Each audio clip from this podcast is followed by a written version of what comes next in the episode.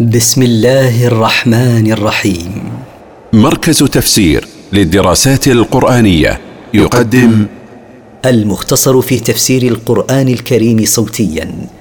برعاية أوقاف نور الملاحي. سورة النازعات من مقاصد السورة. التذكير بالله واليوم الآخر. التفسير. والنازعات غرقا. أقسم الله بالملائكة التي تجذب أرواح الكفار بشدة وعنف.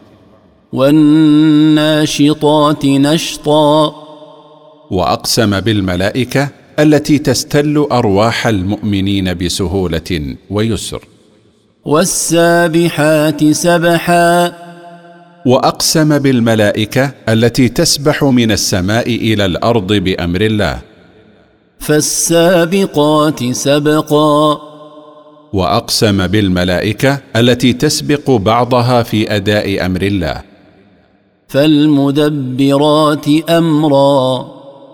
وأقسم بالملائكة التي تنفذ ما أمر الله به من قضائه مثل الملائكة الموكلين بأعمال العباد. وأقسم بذلك كله ليبعثنهم للجزاء والحساب. يوم ترجف الراجفة. يوم تهتز الأرض عند النفخة الأولى. تتبعها الرادفة. تتبع هذه النفخة نفخة ثانية. قلوب يومئذ واجفة. قلوب الناس في ذلك اليوم خائفة. أبصارها خاشعة. يظهر على أبصارها أثر الذلة. يقولون أئنا لمردودون في الحافرة. وكانوا يقولون هل نرجع إلى الحياة بعد أن متنا؟ أإذا كنا عظاما نخرة. أإذا كنا عظاما بالية فارغة. نرجع بعد ذلك؟ قالوا تلك إذا كرة خاسرة.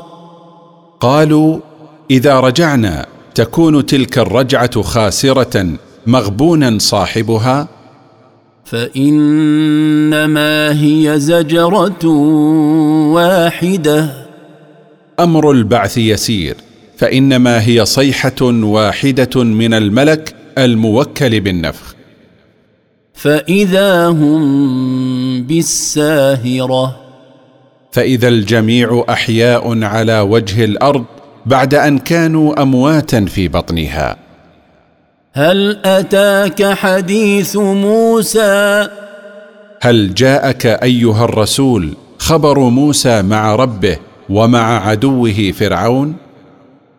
إذ ناداه ربه بالوادي المقدس طوى. حين ناداه ربه سبحانه بوادي طوى المطهر.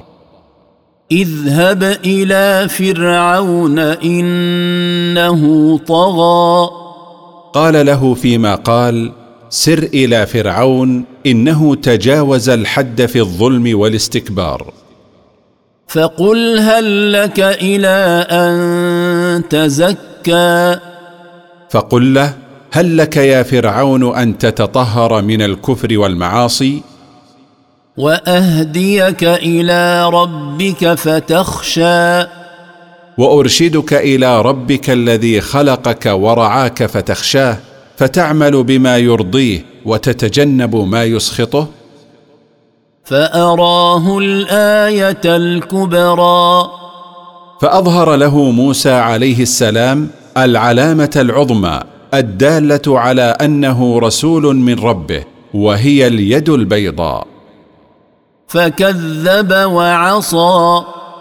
فما كان من فرعون إلا أنه كذب بهذه العلامة وعصى ما أمره به موسى عليه السلام. ثم أدبر يسعى. ثم أعرض عن الإيمان بما جاء به موسى عليه السلام مجتهدا في معصية الله ومعارضة الحق.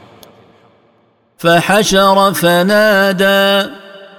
فجمع قومه وأتباعه لمغالبة موسى عليه السلام فناداه قائلا فقال أنا ربكم الأعلى.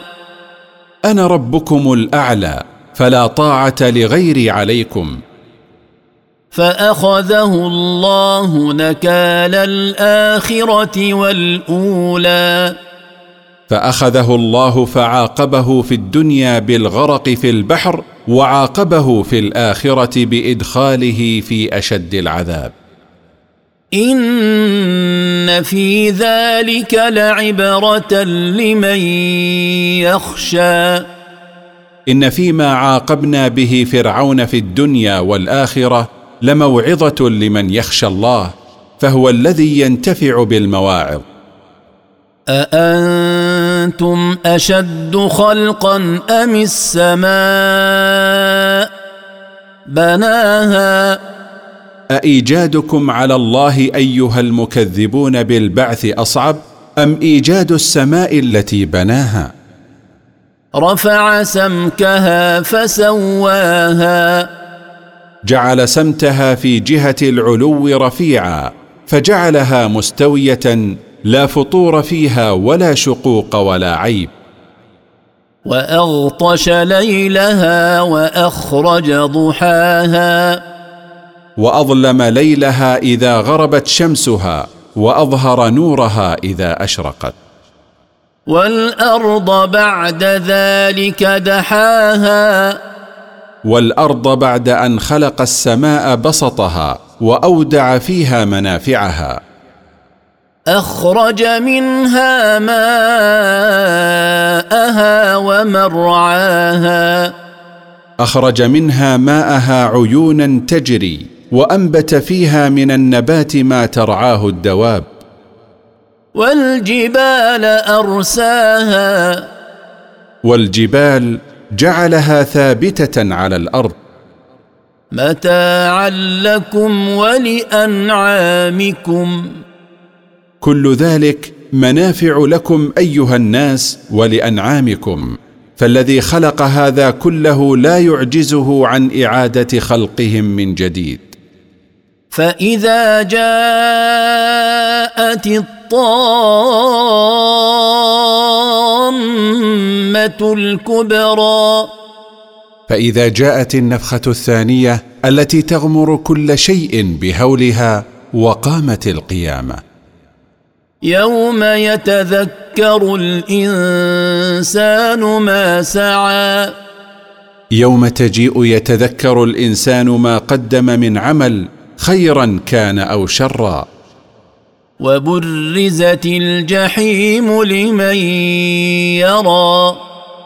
وجيء بجهنم وأظهرت عيانا لمن يبصرها. فأما من طغى. فأما من تجاوز الحد في الضلال. وآثر الحياة الدنيا. وفضل الحياة الدنيا الفانية على الحياة الأخرى الباقية. فإن الجحيم هي المأوى. فإن النار هي مستقره الذي يأوي إليه. وأما من خاف مقام ربه ونهى النفس عن الهوى فإن الجنة هي المأوى. وأما من خاف قيامه بين يدي ربه وكف نفسه عن اتباع ما تهواه مما حرمه الله فإن الجنة هي مستقره الذي يأوي إليه. يسألونك عن الساعة أيان مرساها؟ يسألك أيها الرسول هؤلاء المكذبون بالبعث متى تقع الساعة؟ فيم أنت من ذكراها.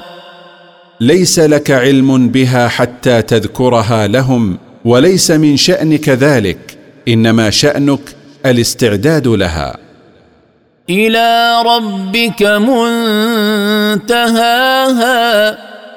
إلى ربك وحده منتهى علم الساعة. إنما أنت منذر من يخشاها. إنما أنت منذر من يخشى الساعة لأنه الذي ينتفع بإنذارك. كأنهم يوم يرونها لم يلبثوا إلا عشية أو ضحاها. كأنهم يوم يرون الساعة مشاهدة لم يلبثوا في حياتهم الدنيا إلا عشية يوم واحد أو بكرته